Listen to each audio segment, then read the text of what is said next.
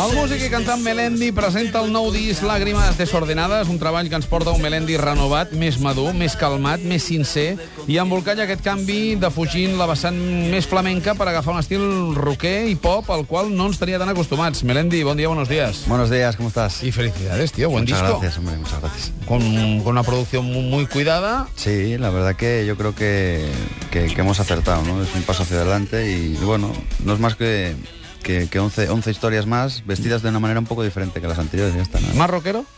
Yo creo un poco menos que la anterior, fíjate. ¿Sí? Sí, un poquito menos. eh. Nosotros escuchándolo digo, no, eh, lo que ha bajado aquí un poquito es el, el flamenquito y, y hay más, Sí, más bueno, rock y pop. El flamenco, desde luego, ya hace como tres discos que, que han- ha sido erradicado de, mi- Sí. de mis producciones. Y sí que el, el anterior era más rockero, o sea, más duro. Y este sigue conservando un poco de rock, pero también, bueno, yo creo que soy un cantautor. Da igual cómo vista las canciones, al final lo que, lo que manda siempre es la historia. Las lágrimas normalmente son indicativas de, de emociones y, y más que lágrimas, lo que, lo que, que- que sería la consecuencia, Sí. aquí ya lo que, es- lo que se aborda son las causas, básicamente. Sí, sí, más, más o menos son causas, ¿no? Son historias y son, eh, bueno, reivindicaciones y son muchas cosas. que- Quizá la más dura es la, la tortura de Liz. La tortura de Liz es una canción eh, dura hasta el punto de que yo cuando voy con mi, con mi hija de 7 años en el coche yo la paso.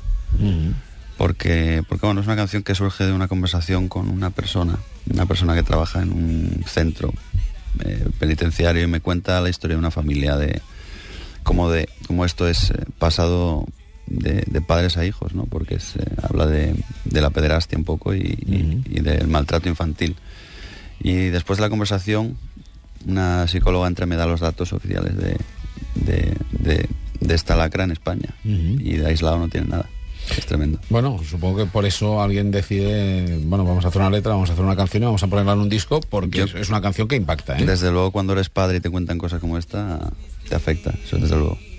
Luego también hay historias de, de amor y, y de desamor. Lo, lo de que la felicidad sea un jardín con enanitos, tío, esto me lo tienes que explicar, ¿eh? Porque ha sido motivo de chiste. ¿Por qué? No, no la canción, ¿eh? Lo- Los enanitos del jardín, dijéramos. Bueno, Cuéntame los tuyos, porque imagino que tienen que ser buenos metidos dentro de esta canción. es una canción, es una metáfora, ¿no? Quiero ser tu jardín con enanitos. Sí. Es una metáfora que compara un- el jardín con enanitos a quiero ser, pues, eh, el- el- tu marido y tus hijos, ¿no? Yo creo que es una metáfora bonita y...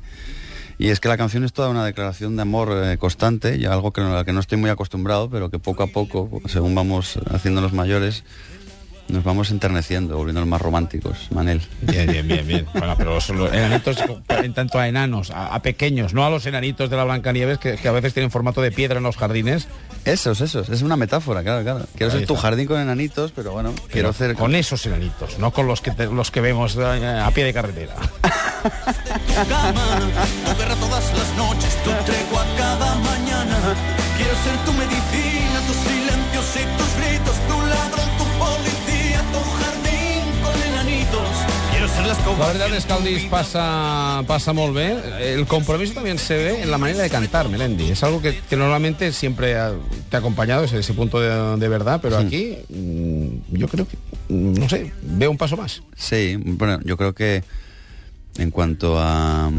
Yo nunca voy a ser un, un gran cantante, eso está claro. Un cantante en cuanto a voz. Yo creo que tengo una voz que es coherente con las canciones que hago. Porque yo cuento historias, yo no soy un cantante lírico, evidentemente, yo soy un cantautor y, y, bueno, mi voz nunca va a pasar ciertos límites de... Pero bueno, pero, de- pero, pero ahí está. Pero sí que es verdad que bueno, vamos, vamos puliendo ciertos errores, porque bueno, uno cuando empieza en la música, yo empiezo con 18, 19 años, empiezo muy joven y con muy poca experiencia, ¿no? La verdad que, que, bueno, poco a poco, evidentemente llevamos 15 años haciendo discos, pues tenemos que ir para adelante, no para atrás. Hay frases tuyas fantásticas como en el sentido de, de que yo soy mi primer amor, pero también soy mi peor enemigo. Sí, sí, esa, esa canción sobre todo define mucho, eh, me define mucho a mí hasta hace unos años y define mucho el, eh, la manera que me imposibilitaba la vida, yo mismo, ¿no? Yo creo que hasta el momento ese en el que tengo yo con mi persona ese choque de trenes y decido empezar a- a dar un cambio, sobre todo en mi cabeza, para, para poder eh, volver a disfrutar y volver a ser feliz, pues yo creo que, que todo fue muy duro y esa canción lo explica muy bien. Hay, eh, en, el, en el libreto hay fotos de, de- de un Melendi absolutamente despeinado y, y un Melendi ma- más en orden. Sí. Es decir, ese, es reconocer pues que al Eh, final todos estamos en equilibrio. Sí, bueno, un equilibrio relativo. Yo, o, o que lo yo- podemos perder también, ¿no? es, con, muy- con mucha facilidad, sí. Sí, yo creo que... Mira, yo creo que este soy yo cuando termino el disco y este... Es la portada. Y sí. al de la Y este, contraportada... y este soy yo mientras lo estoy creando. Vale. Es una, una total, absolutamente la mirada ida, ¿eh? una absoluta crisis de identidad en la que no sabes cómo por dónde entras y por dónde sales. Oye, y alguien como, como tú, que eres mm, como, o, o te habíamos visto como un caballo desbocado, ¿cómo, cómo se doma a sí mismo? ¿Cómo, cómo llega a ese punto de calma, a esa declaración Bueno. de amor a tu mujer, eh, a esa serenidad que... Bueno, yo creo que esto nos pasa a, a mucha... Pero no es la edad, ¿eh? Hay Sí. gente que con la edad no llega Bueno, aquí. sí, hombre, es que yo también, sí, la edad, aparte, necesitas responsabilidades, ¿no?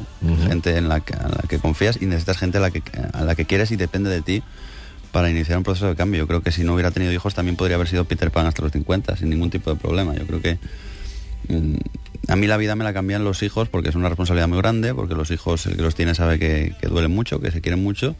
Y bueno, pues poco a poco hacen que, que tu vida y tu manera de pensar vayan cambiando. Eso es algo que no, Me hablabas de, de choque de trenes por eso antes. Que- que- eh, después del choque de trenes cuando uno dice, bueno, Sí. vamos, a, vamos a, to- a tomar conciencia. ¿Esos son los hijos o es previo? A mí es eh, sobre todo con el nacimiento de mi hija Carlota. Cuando tú llevas una vida desordenada y no tienes eh, nada en casa, no te preocupas por nada. Pero cuando llevas una vida desordenada y, y tienes en casa ya una responsabilidad, cuando llegas a casa y ves esa responsabilidad, todo se te remueve por dentro. Ahí empieza a cambiar eh, las cosas, eh, quieras o no quieras. Y ahí se empieza un proceso de cambio, sobre todo en, en- en tu mente y en tus tripas. Y ese proceso de cambio no es eh, de la noche a la mañana. Tomar a Melendi tela. Sí, no, bueno, pero todo tiene que llegar. Mira, yo, yo es que siempre digo lo mismo porque es verdad. Yo tengo eh, un amigo que hoy por hoy es cirujano. Sí. si tú nos ves a este amigo y a mí con 18 años, créeme que tú no te vas a quitar ahí el apéndice ni te vas a quitar Si ha podido él y con un absolutamente nada. El único problema es que lo mío ha sido visible y lo de mi querido amigo cirujano, que le mando un saludo, sabe quién es, no ha sido visible. Pero, pero créeme que yo no te pondrías en sus manos. Ya, ya, ya, y ahí está operando todos los días. Bueno, lo bueno es que es que ese proceso se ha podido visualizar eh, también, pues gracias a la televisión, a un público más amplio que quizá Melendi o la leyenda de Melendi en un momento determinado Sí, sí, te podía alejar, pero hoy eh, es- estas canciones las va a consumir mucha más gente que las que mm, previamente, por prejuicios, quizá no, no habían entrado en. Bueno, ser. El que escuche por primera vez a Melendi en este disco, ¿qué le, qué le cuentas? Pues eh, yo creo que, que es un disco muy maduro, es un disco comprometido, creo que es un disco que habla también mucho de mí, pero no tanto como el anterior. Porque el anterior... ¿Te has protegido un poco aquí? No, es que en el anterior me quedé absolutamente vacío de hablar de, de mí mismo y de esos modelos de pensamiento erróneos que tenía. ¿no? Y Hay canciones que hablan directamente de, de todo, de todo eso, ¿no? de todo ese proceso de cambio, como Cierra los ojos o Corazón de Peón. Eh, volvamos a empezar, el título del disco. Entonces cuando, cuando yo llego a mi casa y digo, bueno, pues eh, ya he promocionado este disco, voy a empezar a... Yo todos los días me pongo un poco, o sea, con la guitarra, con todo.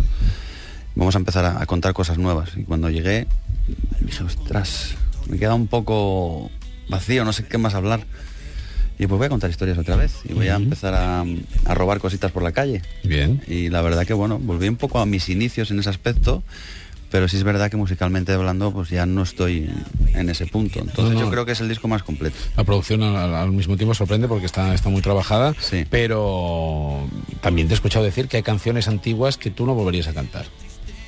No es que no volviera a cantar, hay canciones con las que yo no comulgo.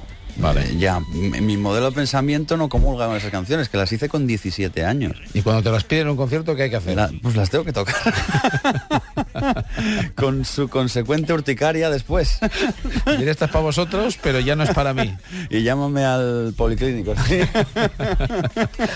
Melendi, muchas gracias por, por venir, por acompañarnos. Sé que está- estás también liadísimo, estáis con, con este formato de super éxito que, que es La Voz, que quizá también haya servido para que mucha otra Sí, gente... sí, la verdad que bueno, yo creo que es un programa muy, muy bonito, maravilloso, de muchas sensaciones y sentimientos y la verdad que, que sobre todo está uniendo a la familia otra vez en torno a la música, ¿no? Y eso yo creo que es muy bonito también. Estamos ahí en Tu Cara Me Suena, pendientes de vosotros también. O sea que, Es que Tu Cara Me Suena- un saludo a los, a los compañeros porque lo hacéis divinamente. Tu cara me suena es la bomba, ¿eh? Bueno, yo como- tengo que decir como que la voz, amigo mío. Yo tengo que decir que la bomba, ¿eh?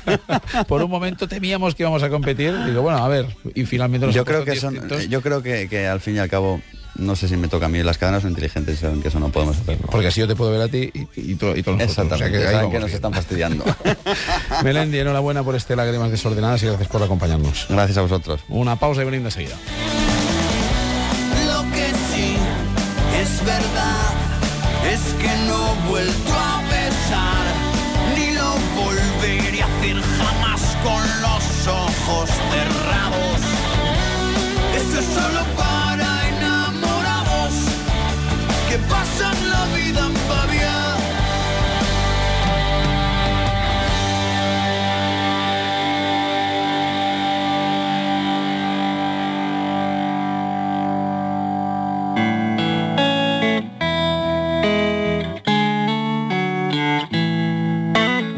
El matí de Catalunya Ràdio. Manel Fuentes.